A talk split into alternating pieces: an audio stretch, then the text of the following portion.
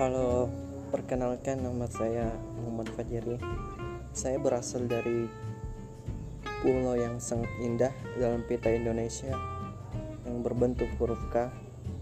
Tepatnya paling di bawah di huruf K itu Makassar, Sulawesi Selatan.